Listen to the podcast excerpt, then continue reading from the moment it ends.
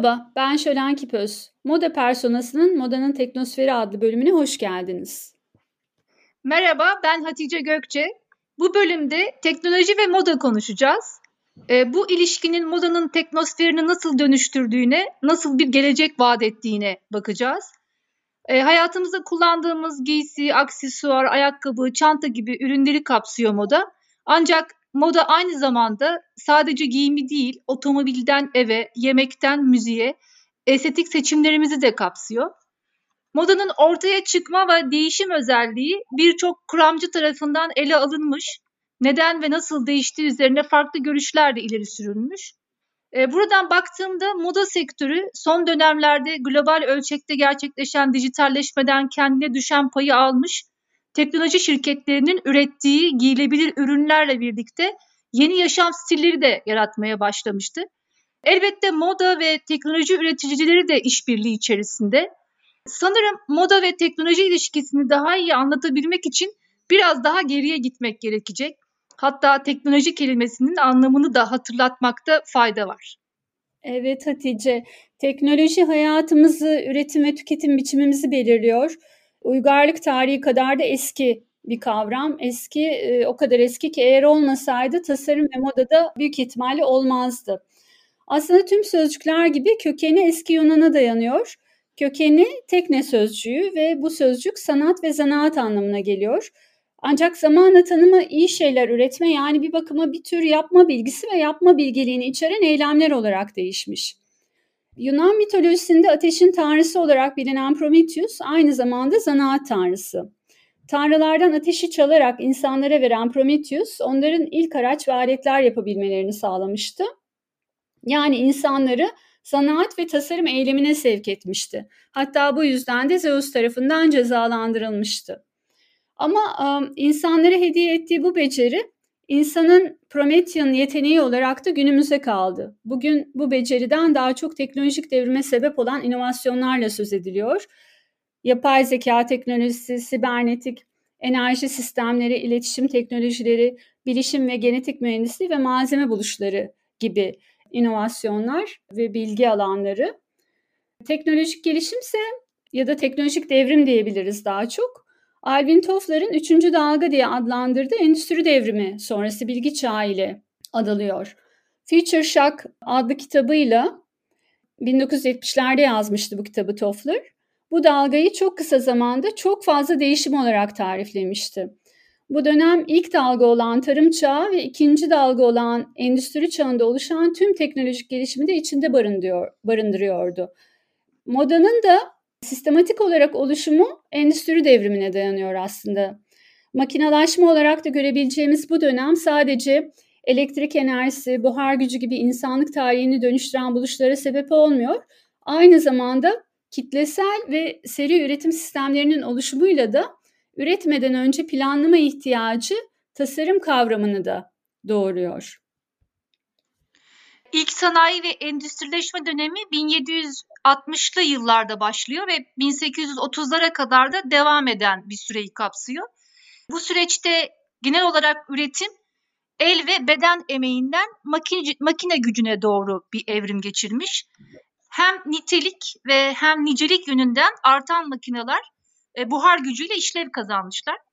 Bu ilk sanayi devriminde gerçekleşen imalat yeniliği e, su ve buhar gücü, fabrikalar, mekanik araçlar olmuş. Bu 1840 ile 1870 dönemini kapsayan ikinci sanayi ve endüstrileşme dönemi e, teknoloji devrimi olarak da biliniyor. İkinci sanayi devriminin ortaya çıkmasında demir yolları başta olmak üzere ulaşım ağının gelişmesinin e, büyük rolü olmuş. Çünkü ulaşımın kolaylaşması ham madde teminini de büyük ölçüde kolaylaştırmış. Üretim sürecinden çıkan ürünlerin e, yeni ve uzak e, pazarlara ulaşmasını çok kolaylaştırmış. İkinci sanayi devriminde üretim yeniliği ise bütün bu montaj hatları, bu iş bölümü, elektrifikasyon, seri üretim şeklinde gerçekleşmiş olması aslında. Yani sanayinin yeni bir gelişme yakalayabilmesi ancak krizin etkilerinin azalması ve İkinci Dünya Savaşı'nın bitmesinin ardından 1950'li e, yıllarda mümkün olabilmiş. 50'li yıllarla birlikte e, dijital teknoloji gelişmeye başlamış ve 3. sanayi devriminin de temelleri atılmış. Mekanik elektrikle çalışan hesap makinesinin üretilmesi aslında bir dönüm noktası. Çünkü ardından da bilgisayara kadar uzanan dijital gelişmeler üretim süreçlerinde de yeni bir boyut kazandırmış. Hmm, moda açısından e, teknolojinin yerine giysi üretim teknolojisi çerçevesinden baktığımızda bu dönemin en önemli buluşu kuşkusuz dikiş makinesi. Aslında bizim de jeneriğimizde kullandığımız o büyüleyici sesi yaratan e, makine. İlk dikiş makinesi 1790'da bir İngiliz mucit Thomas Sen tarafından yaratılıyor ancak pek duyurulamamış. Ardından 1829'da bir Fransız terzi Barthélemy Timonier daha yaygın kullanımlı bir makine yaratıyor. Ancak makinenin patent alması ve seri üretime girmesi 1850'lerde Amerika Birleşik Devletleri'nde Isaac Merritt Singer'ın yarattığı makine ile oluyor. O güne kadar domestik bir alana sıkışan tüm el emeğiyle gerçekleşen giysi üretiminin dikiş makinesinin keşfiyle tamamen kitleselleştiğini, üretim tüketim ilişkilerini değiştirdiğini ve tasarım alanını da aştığını söylemek mümkün. Hatta o dönemde bu makinenin insan emeği sömürüsüne de çare olacağı düşünülmüş. Tıpkı bugün otomasyon teknolojisiyle ilgili düşüncelerimiz gibi. Kapitalizm kavramının babası Karl Marx 1860'ta giysi endüstrisiyle ilgili kaleme aldığı yazıda bunu şöyle vurgulamış. Sonunda kritik bir noktaya ulaşıldı. Eski usul üretimin temeli olan iyi kötü emeğin sistematik paylaşımı ile desteklenen iş gücü sömürüsü artık kapitalistlerin pazarlarını genişletmesi ve rekabeti arttırmaları için yeterli olmayacak. Dikiş makinesi devrimsel bir değişime sebep olacak demiş. Tabii Marx'ın iyi niyetli öngörüsü maalesef tutmadı. İlk olarak ikinci sanayi devrimine denk gelen makine çağı ile teknolojinin distopik gücü kapital tarafından yönetilen makinelerin insanı yani iş gücünü köleleştirmesini kolaylaştırdı. Örneğin Fritz Lang'ın Sessiz filmi 1927'de çekilen Sessiz filmi Metropolis'te insanın makineye karşı direncini çarpıcı biçimde duyumsamıştık. Hatta bu film Donna Haraway'in 1980'lerde ortaya atacağı Cyborg Manifestosu'nda ilk işaretlerini taşıyordu. Makine insanın melezi dişi robot olarak karşımıza çıkıyordu. İkinci olarak da moda endüstrisi büyük ölçekte halen insan emeğine dayalı bir endüstri olarak kalmış. Diğer taraftan da insanlık tarihinde her zaman yeni buluşların insanların yaşamlarını kolaylaştıracağına yönelik yaygın bir inanç hakimdir. Nitekim özel alanda genellikle de bu böyledir. Singer'in geliştirdiği teknolojiyi e, Wheeler Wilson domestik alanda da kullanabilecek bir hale getirdi. Tabii Amerikan ailelerini evlerinde bir dikiş makinesi bulundurmaya ikna etmek başlangıçta işte kolay olmadı. Makine daha kolay opere edilebilir, daha ulaşılabilir fiyatı alınabilir ve salonun ortasına koyabilecek kadar küçük ve estetik olmalıydı. Singer daha sonra bugün hala evlerimizde sakladığımız ahşap ayaklı aile modelini üretti. Bana da anneannemden yadigar bir tane kaldı. Bu makine bugün daha çok dekoratif ve anı amaçlı kullanılıyor evlerde ama 19. yüzyılda da işlevsel olmasının yanı sıra ev dekorasyonunun bir parçası olabilecek derecede estetik tasarlanmıştı. Burada tabii şunu söylemekte çok fayda var. Dikiş makinesinin e, rolü açısından aslında giyim endüstrisinde ne sağladı dikiş makinesi? İki şeyi sağladı. İlk olarak üretim hızlandı ve kolaylaştı. İkinci olarak da paradoksal olarak da biraz, ikinci olarak da daha kompleks modellerin farklı dikiş metotlarıyla üretilebilmesini sağladığı için tasarımlar karmaşıklaştı. Ee, evet aslında Singer galiba bizim gibi moda ile ilgili herkesin yani elbette bir yaş grubundakilerin en temel aracı. Ee, bana annem Singer dikiş makinesinde öğretmişti dikiş dikmeyi. E, lisedeyken dikiş dikerek karşılığımı çıkardığımı söyleyebilirim. Hatta 1997 yılında katıldığım bir tasarım yarışmasında yaptığım dokularla finale kalmış ödül almıştım. E, anneme minnet borçluyum bu makineyle küçükken beni güvenip bana teslim ettiği için. Neyse konumuza dönebiliriz. E, evet hepimizin hayatında Singer'in gerçekten yeri var ve aslında Singer inovasyonunu çok gerilerde bıraktık bugün. Nesnelerin interneti, veri çağı ve siber gerçeklik çağına adım attık, ilerliyoruz. Peki nasıl geldik bu noktaya? Ne dersin? Üçüncü sanayi ve endüstrileşme döneminde üretim yeniliği dijital teknoloji, analog ve mekanik teknolojiyi geride bıraktı ve dijital bilgi teknolojileri sistemleriyle oluşturuldu. Artık son aşama olan ve dördüncü sanayi devrimi sanayide genel olarak e, makinelerin insan gücüne gerek kalmaksızın kendilerini ve üretim süreçlerini yönetmeye başlamalarıyla ortaya çıkmış. Yani artık insanlara gerek kalmadan bu sistem içerisinde kendi kendine devam edebilen bir devrim oldu aslında yani onu söyleyebiliriz.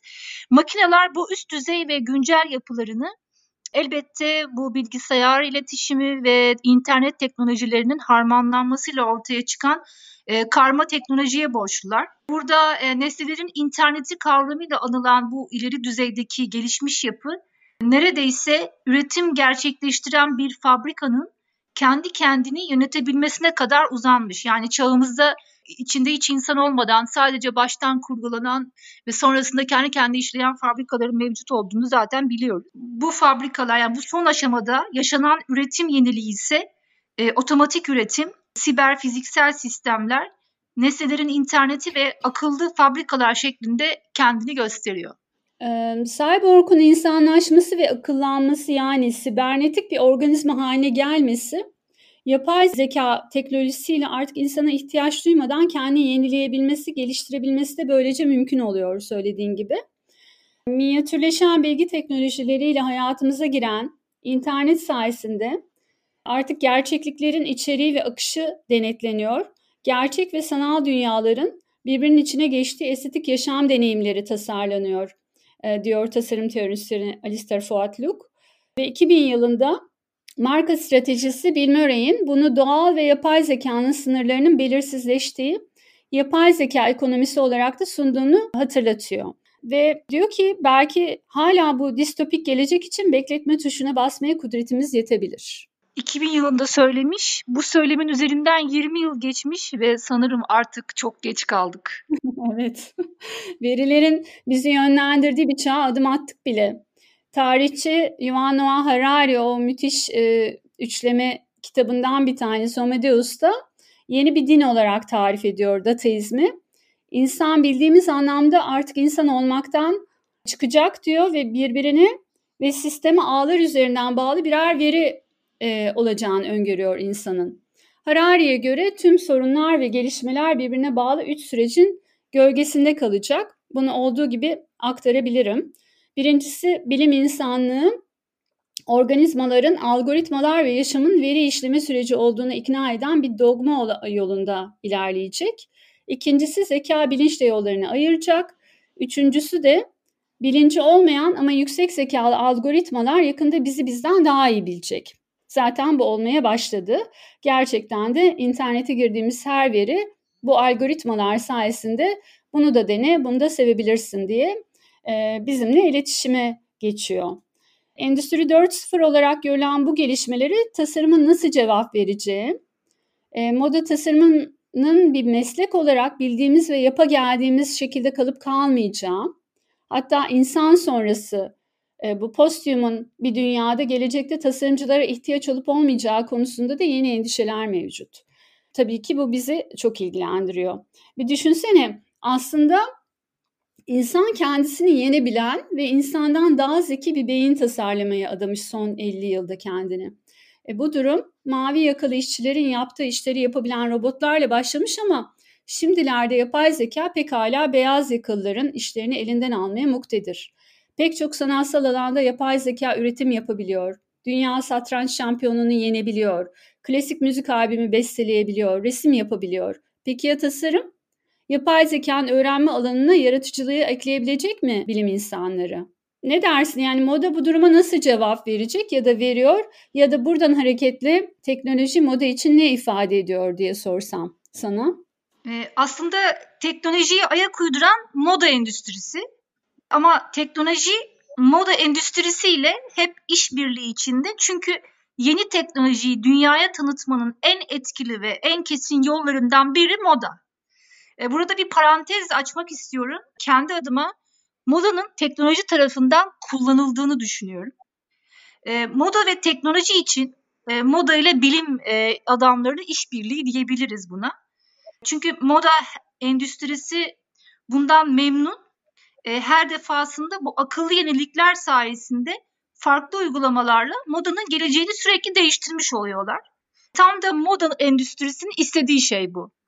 Ama modanın teknolojiyi kullanma amacıyla teknolojinin modayı kullanma amacı, niyeti aynı değil. E, şimdi ise büyük bir değişim e, kapıda.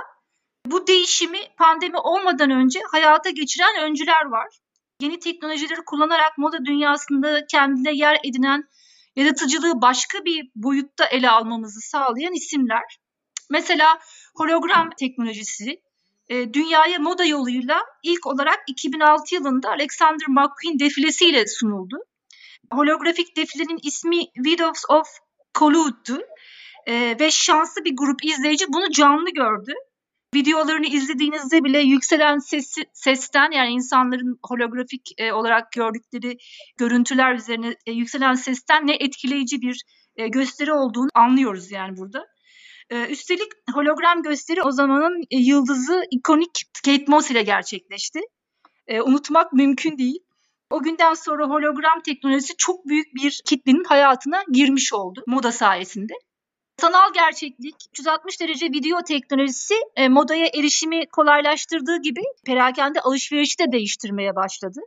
İşte pandemi sonrası front row'da e, defileyi izleyiciler olarak izlemesi beklenen e, basın mensupları ve ünlüler e, bir ekranla defileye dahil oldular ve izlediler. Ayrıca 360 derece video teknolojisini defilelerine kullanan isimler mesela Hüseyin Çağlayan, Balenciaga gibi isimler. Bugün geldiğimiz noktada teknolojik yenilik, yenileşim, dijital devrim ve artırılmış gerçeklik beden ve kıyafet ilişkisini ve modanın yaratıcı evrenini tamamen dönüştürdü. Söylediğin gibi tasarım yapma biçimini de dönüştürdü. Sadece izleme biçimini değil. Ee, örneğin Çağlayan, sen açtın oradan ben devam edeyim. Hem disiplinler arası tasarım dilinde bir taraftan insan bedeninin teknolojiye verdiği tepkiyi ve teknolojiyle dönüşümünü ele alırken diğer taraftan kıyafetleri yüklediği performanslarla teknolojinin araçlarından yararlandı her zaman.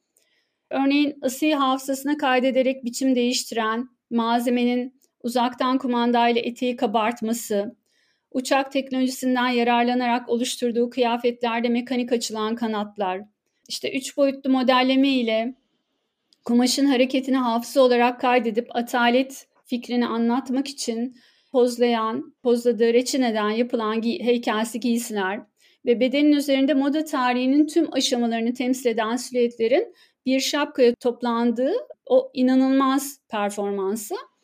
111 adlı bu koleksiyon özellikle e, bir bir teknolojik tiyatral bir performans olarak sunulmuştu.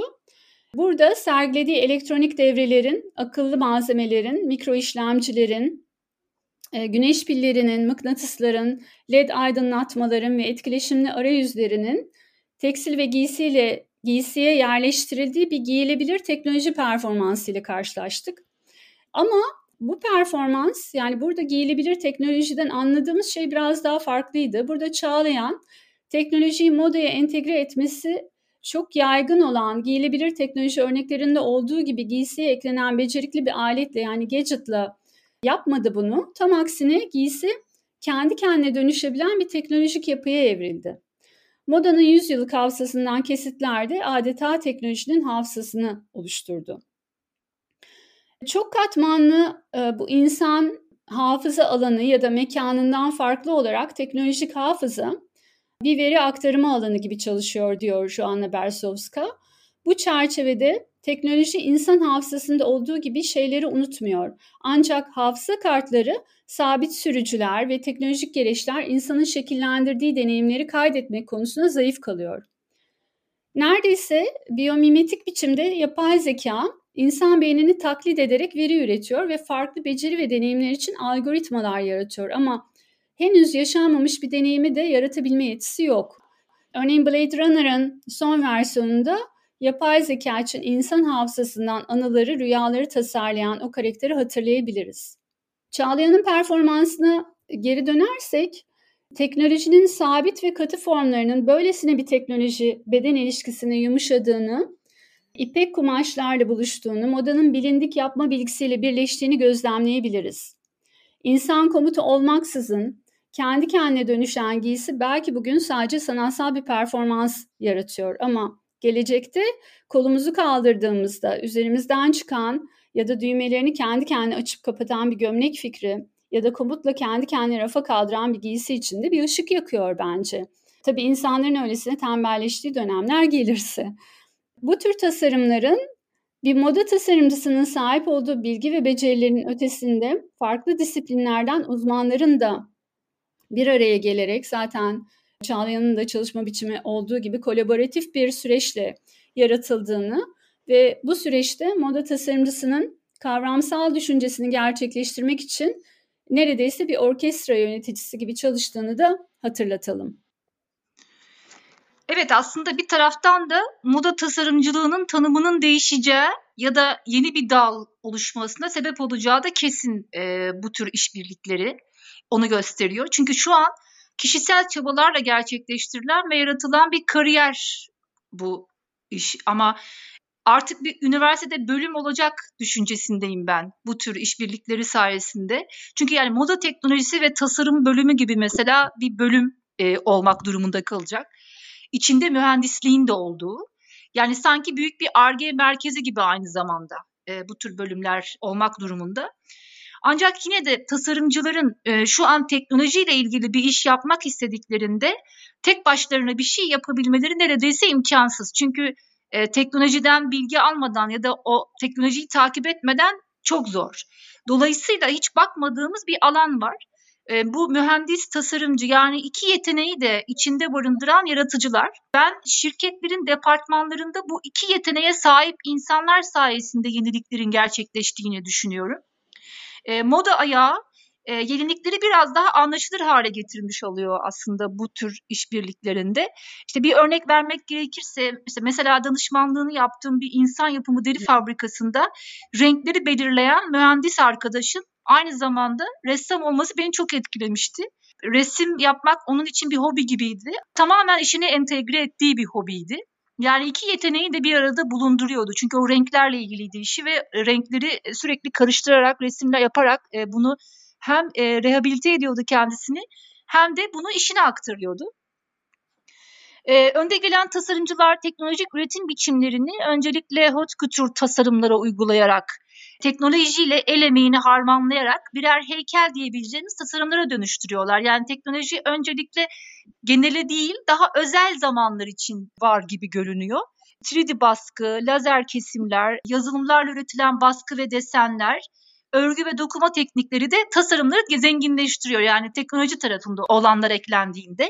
Mesela 2016 yılında açılan bir sergi olan Manis Machine teknoloji çağında moda ya da işte el işi ve makina ya da işte makineye karşı insan diye de adlandırabileceğimiz bu sergi 1900'lü e, yılların başından günümüze 170 e, kostümü sergilemiş ve el işi ve makina işi arasındaki bağa dair hikayeyi göz önüne seren bir sergi olmuştu.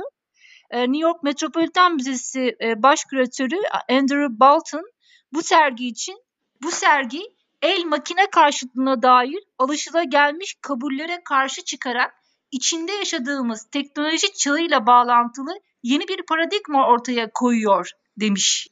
E, sergi için seçilen her bir tasarımın hem el işçiliği hem de teknoloji ile bağı ortaya konmuş ve nihayetinde de teknolojinin modaya yardım eden yönü vurgulanmış.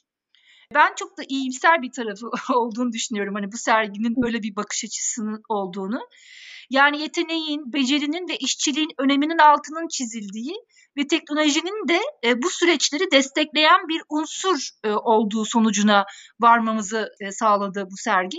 Aslında sergiyi yeni nesil tasarımcılardan eklenen bir isim var, tek isim var. Aris van Herpen tam da bu sonuca hizmet eden yeni neslin tanıdığı ve hayran olduğu bir isim. Herpen aslında moda yeni yaratıcı isim çıkaramıyor dendiği zaman da ilaç gibi geldi moda dünyası için.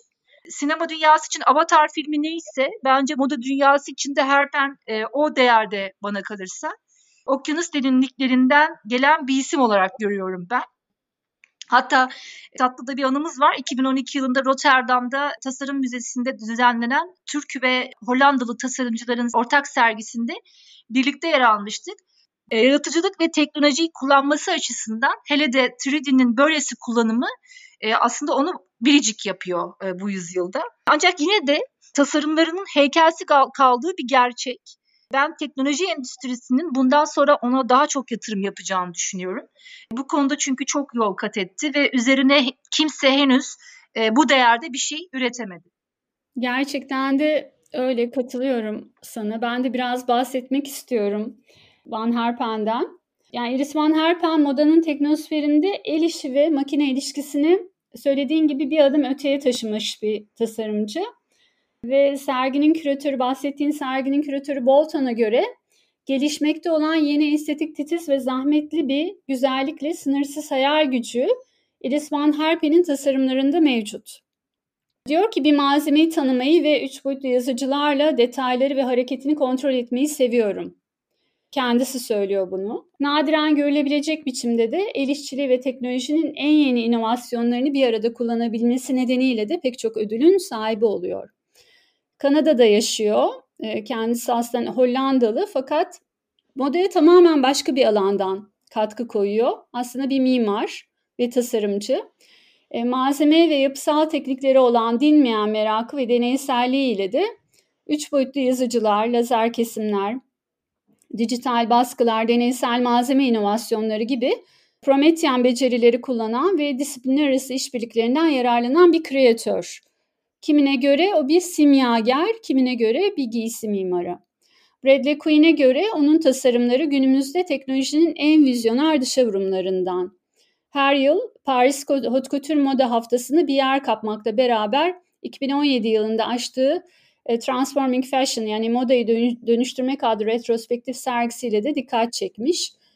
Aynı zamanda eski bir balerin. O yüzden de harekete çok özel bir önem atfediyor tasarımlarında.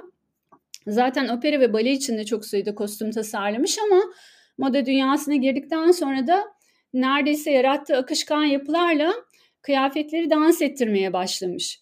Onun için hareket hem giysiler hem de beden için elzem ve tasarım sürecinin her aşamasında hareketi işlemek çok önemli. E tabi kullandığı teknolojiler yani üç boyutlu yazıcılarla yaptığı üretimler hareketi mekana aktarmaya vesile oluyor. Örneğin kıvrımlar ve katlamalar onun tasarımlarının morfolojisini oluşturuyor. Teknolojideki son yenilikleri kullanma biçiminde de bilim kurgu estetiği yerine daha biyomimetik bir yaklaşım var. Yani daha çok rüyaları, ses dalgalarını, manyetik alan gibi maddesel olmayan süreçleri izliyor. Ama aynı zamanda e, doğayı dinleyerek işte su dalgaları, duman demeti, örümcek ağı, kelebek kanatı gibi organik biçimler ve yapıları da takip ediyor. El üretimiyle taklit edilemeyen bu yapıları da 3D yazıcı ve lazer kesim gibi tekniklerle daha kolay yakalayabildiğini görebiliyoruz.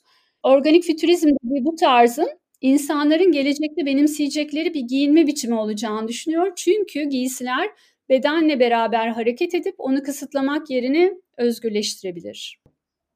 Şöyle düşünüyorum aslında Herpe'nin tarzının gelecekte insanların benimseyecekleri bir giyinme biçimi olacağı düşüncesinin fiziksel olarak değil ama sanal dünya için çok mümkün olacağını ve sanal dünyanın kraliçesi olacağını düşünüyorum. Çünkü henüz okyanus derinliklerindeki doğanın işlenmemiş bir konu olduğunu düşünüyorum ve 3D sayesinde bunların hepsinin hayata geçmesi inanılmaz olacak.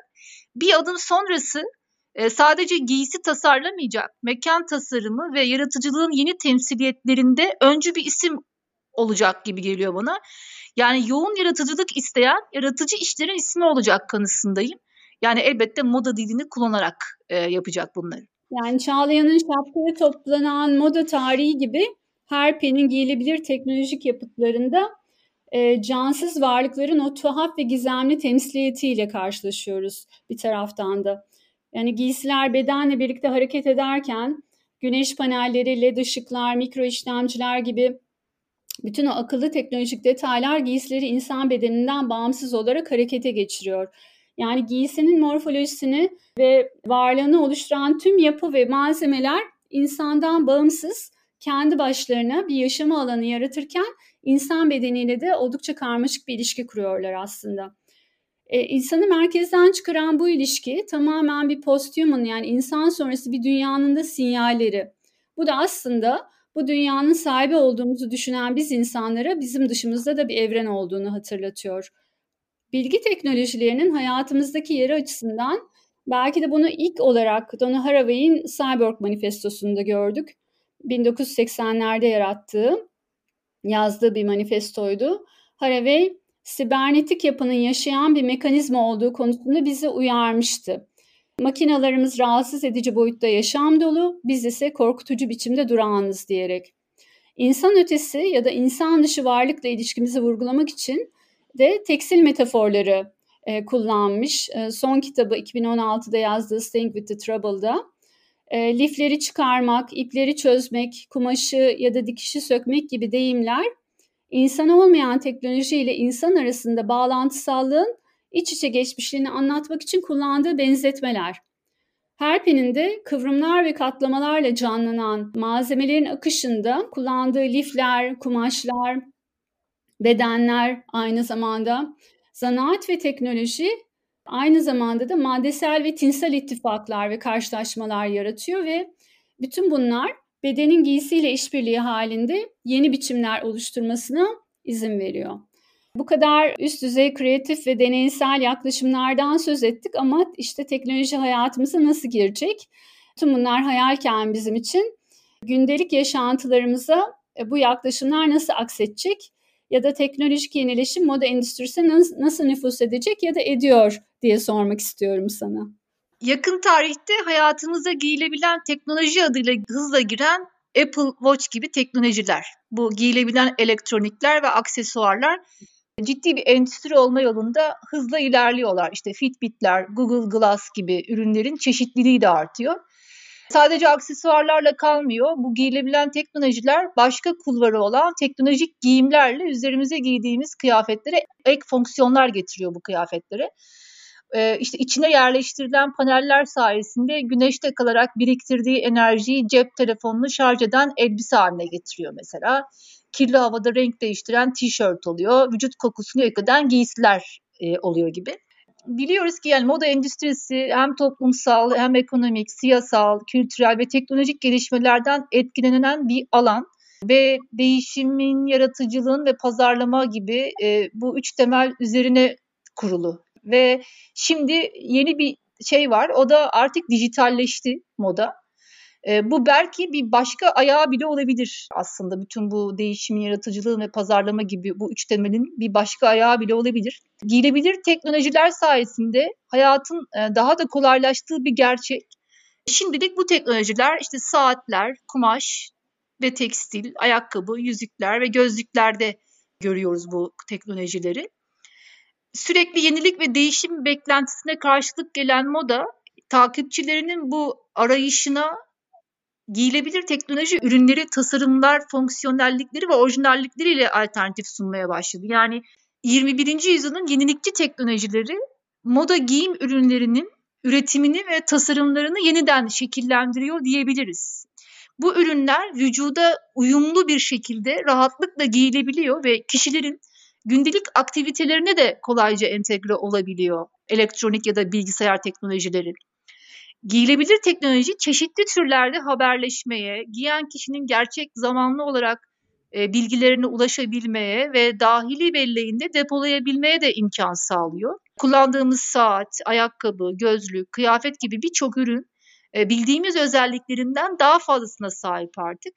İşte sadece zamanı göstermekle kalmıyor, aynı zamanda günlük rutinlerimizi de takip ediyor mesela bir saat. Giyilebilir teknolojinin kullanımının etkilediği alanlar işte öncelikle sağlık, egzersiz, eğitim, ulaşım, finans, oyun ve müzik alanları. İşlevsellik diye gördüğümüz bütün bu taşınabilir elektronik cihazlar ve e, bilgisayarların dahil edilmiş olması aslında bu işlevsellik dediğimiz e, konu.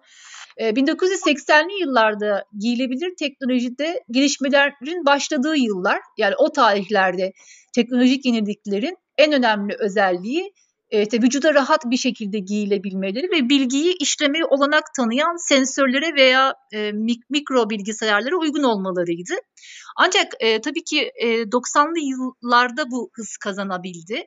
E, onu söylemeliyiz. E, bu tür yenilikler öncelikle e, sağlık, askeriye ve eğlence sektöründe kendini gösterdi. E, bu sektörlerin de gelişmesiyle 2000'li yıllarda çok ciddi bir yol kat etti. Son 15 yılda önemli gelişmeler oldu. E, ilki kişisel bilgi biriktirmek ve kullanıcılara gerçek zamanlı bilgi sunabilmek. Yani bildiğimiz işte nasıl ki akıllı telefon ve tablet kullanımında artış inanılmaz oldu. E, giyilebilir teknoloji ürünlerinde de ilk olarak tüketiciler tarafından önce kabul edilmesi beklendi ve yeni bir ekonomi yaratılmış oldu. Elbette tekstil ve moda endüstrileri de bu gelişmelerin merkezine yerleşti ve gelişmelerden çok ciddi anlamda etkilendi. Ee, günümüzde giyilebilir teknoloji ürünlerinin artmasıyla moda endüstrisinin teknoloji endüstrisinden pay almaya başladığını söylemeliyiz. Hatta çok ciddi bir ekonomi oluştuğu da gerçek. Bunun ilginç taraflarından bir tanesi e, yeni teknolojiler moda etkinliklerinde tanıtıldıklarında daha çok kişiye ulaşma şansına da e, kavuştular. E, ayrıca internet e, günden güne yaygınlaştığı için ve elektronik cihazların boyutu da gitgide küçüldüğü için e, maliyetler de düştü ve yeni giyilebilir ürünler pazara daha kolay sunulmaya başladı. Kulaklıklar e, artık adeta bir yaşam tarzı nesnesine dönüşmüş durumda. Tabii bütün bunların dışında e, medikal pazar, e, çocuk ve evcil hayvan pazarı, moda, arttırılmış gerçeklikle ortaya çıkan bu gözlükler, akıllı saatler de önemli bir yer tutuyor.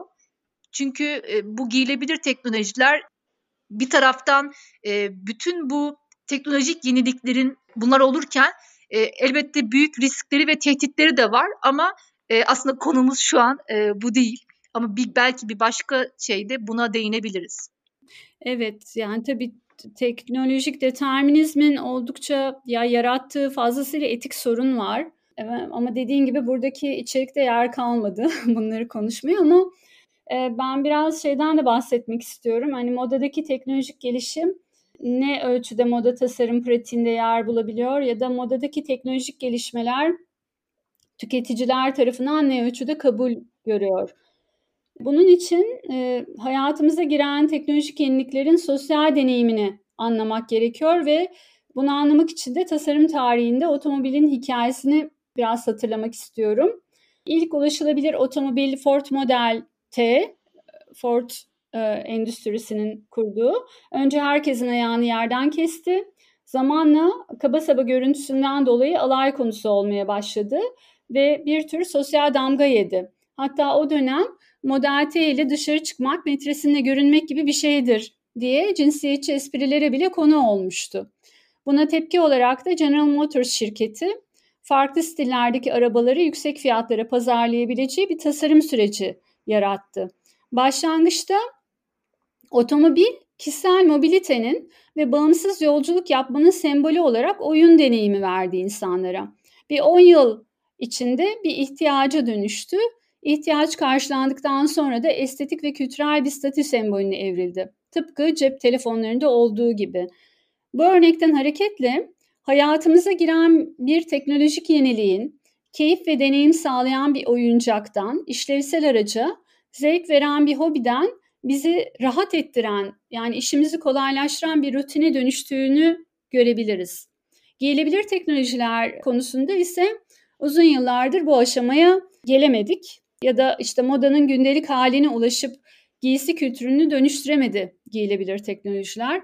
Böyle bir altyapı, böyle bir teknik ya da teknolojik altyapı ol, yeterli olmadığından da değil. E, tamamen e, aslında sosyal kabulü ve ekonomik karşılığı pazarda henüz yer bulamadığından böyle olduğunu düşünüyorum ben. Evet yani burada önemli soru tüketicilerin bu ürünlerin modaya uygun olmasını gerçekten isteyip istemediği. Çünkü e, tüketicilerin yarısı satın alma kararlarında ürünlerin modaya uygunluğunu dikkate aldıklarını, diğer yarısı ise her gün giyindikleri tarz ile uyumunun ve özellikle rahat olmasının yeterli olduğunu belirtmişler. Yani aslında ikiye ayrılmış burada e, bütün tüketiciler. Akıllı giysilerin rahat ve esnek bir yapıya sahip olması, işte kolay yıkanabilir olması ve şarj edilebilir olması gibi özellikleri teknolojik olarak karşılaması gerekiyor. Bu 3D yazıcılarla giysi, aksesuar çok yaygınlanmış olmasa da yapılıyor günümüzde. Bu üç boyutlu baskı teknolojisinin ilk örnekleri 1980'li yıllarda görülmeye başlanmış ama buna rağmen kullanım 2010 yılından sonra artmış. Günümüzde daha yaygın hale gelmiş. Elbette medyada daha fazla yer aldığı için, farklı endüstri alanlarında kullanıldığı için, bu teknolojiye yatırım yapılması, yaratıcı disiplinin dikkatini çekmesi, teknolojinin birçok alanda getirdiği kolaylıklar gibi avantajların yanı sıra en önemlisi belki de yazıcı fiyatlarının düşmesi de etkilenmiştir. Çünkü maliyete yansıyor bütün bunlar. Moda ve tekstil alanlarında üç boyutlu yazıcılar malzeme, tasarım ve üretim süreçlerini birleştiren bir teknolojik yeniliktir e, aslında.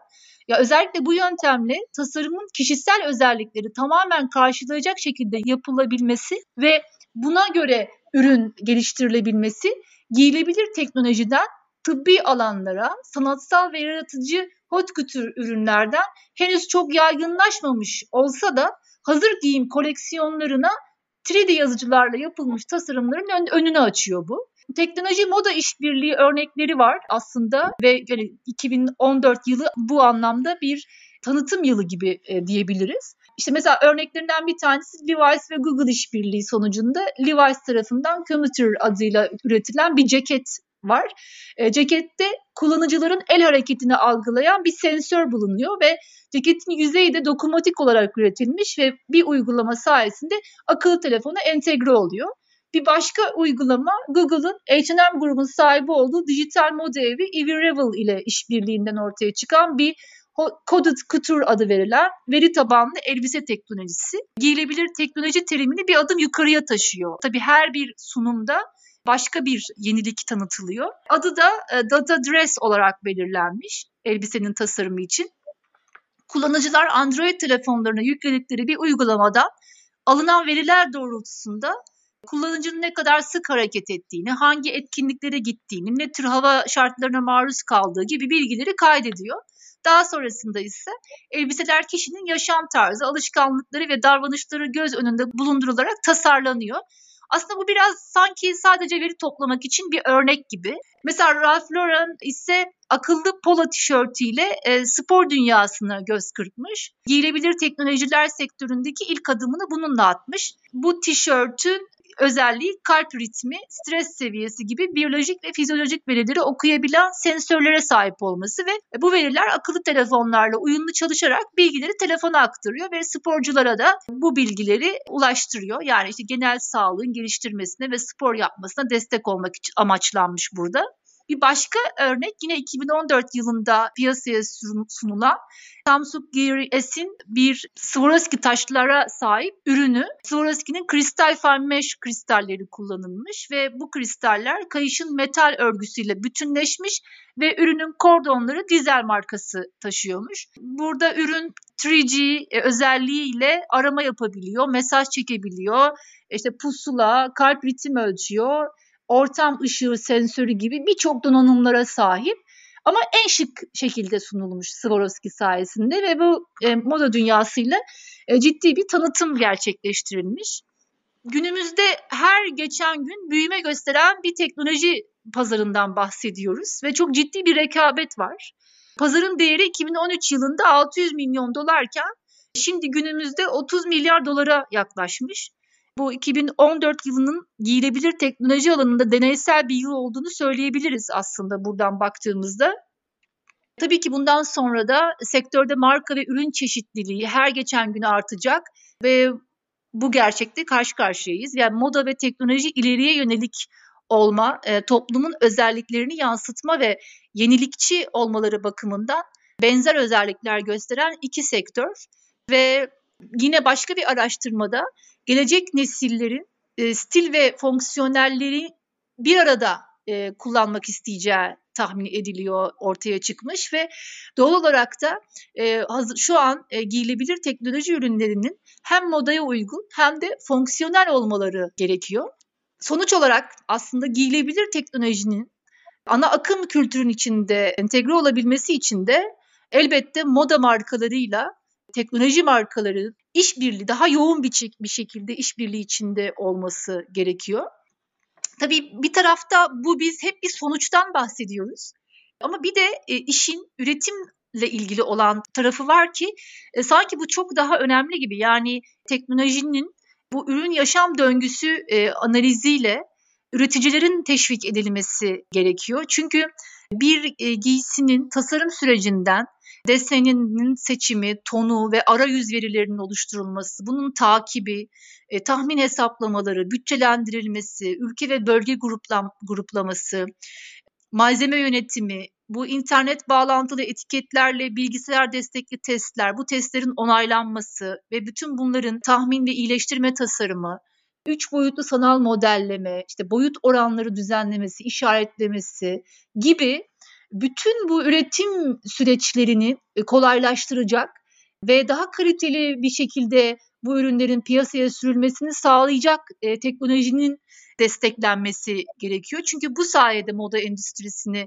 değiştirecek bir dünya görüşünün de e, ha, yaratıldığını göreceğiz.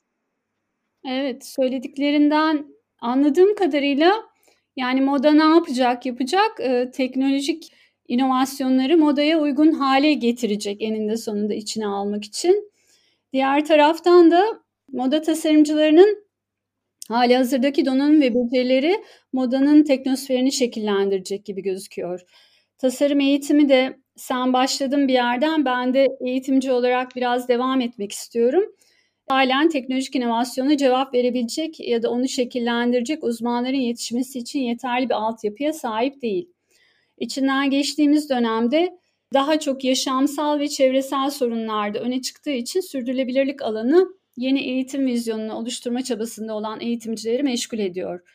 Antroposende yani 1800'lerden bu yana gezegen üzerinde insan eylemlerinin hakim olduğu devrin geleceği açısından tasarımda iki farklı yaklaşım öne çıkıyor.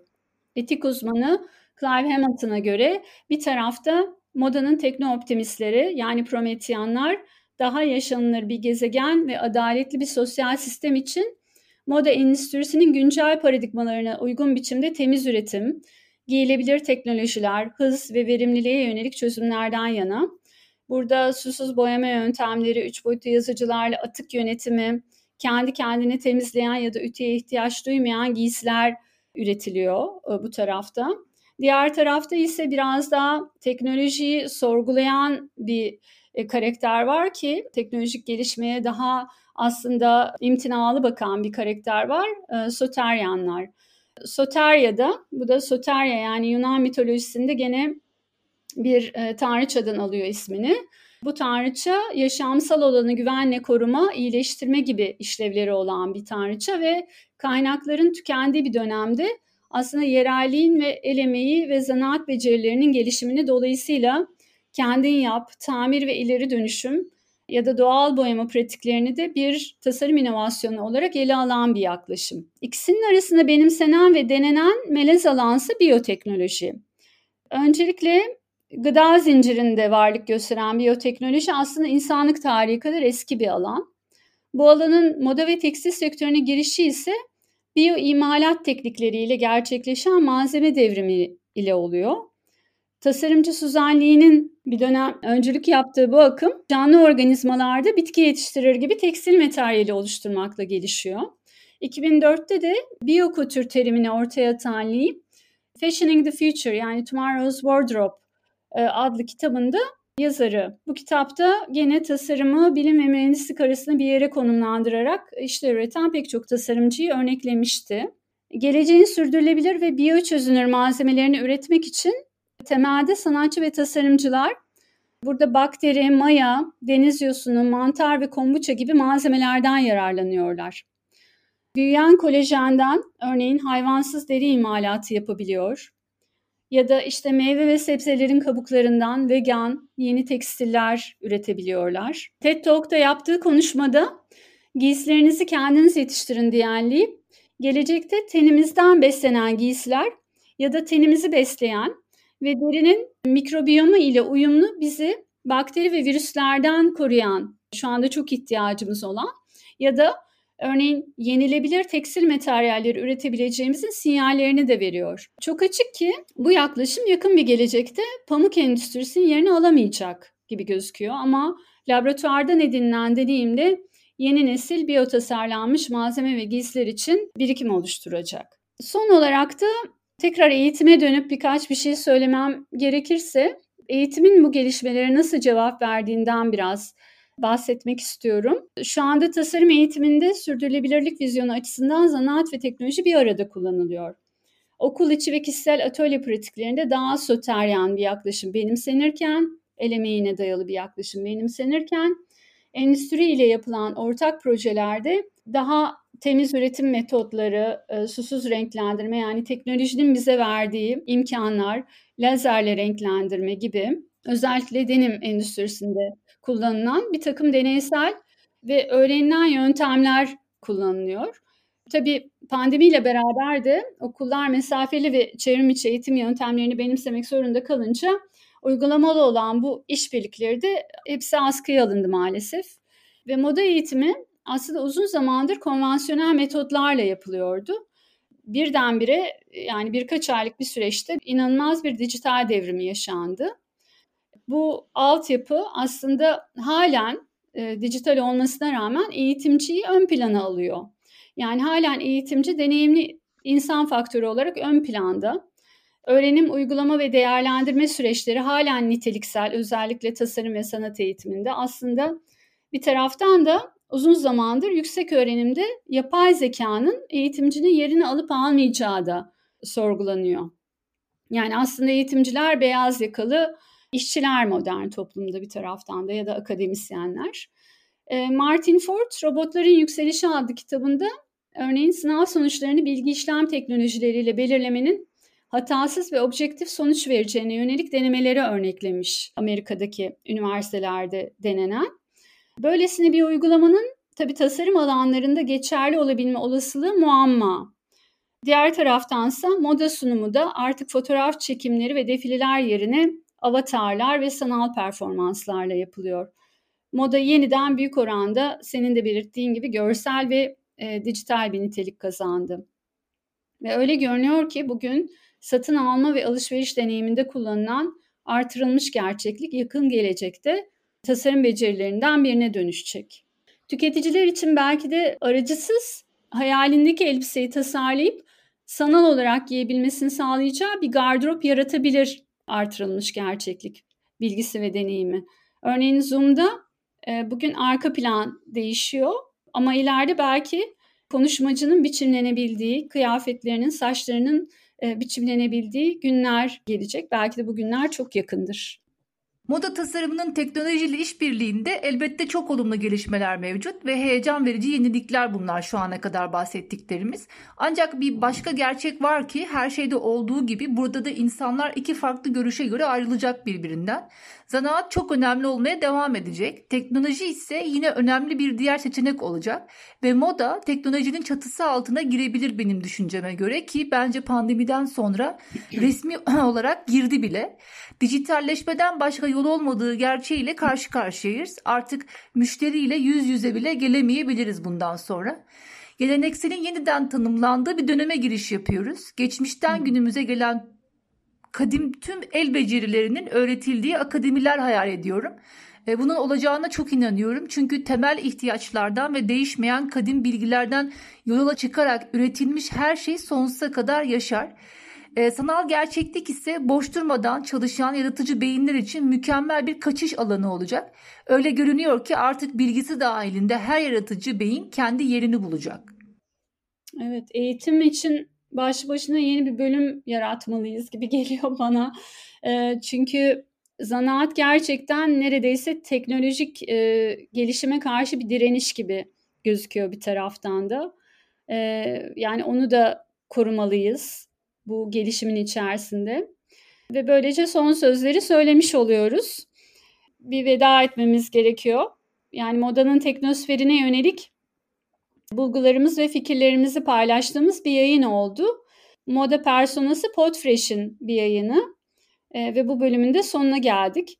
Düşüncelerinizin, sorularınızın, paylaşımlarınızın bizim için değerli olduğunu bize Moda Personası Instagram hesabımızdan ya da modapersonasi@gmail.com e, adresinden ulaşabileceğinizi de hatırlatmak istiyoruz. Dinlediğiniz için teşekkür ediyoruz. Bir sonraki bölüme kadar hoşçakalın. Modadaki yenilik tutkusu uzun zamandır değişim yaratmıyor. Dileğim çok yakında bir teviye üretim ve tüketime odaklanan değil, türetime, dayanışmaya, sorumluluğa, dönüşüme ve sosyal adalete odaklanan bir moda sisteminden söz edebilmek. Tasarım anlayışını kışkırtıcı tutan, moda endüstrisinin gelip geçici sistemi içerisinde direnç göstermek, sistem dışında kendine özgü bir dil ve dünya inşa etmek güdüsüyle hareket etmektir.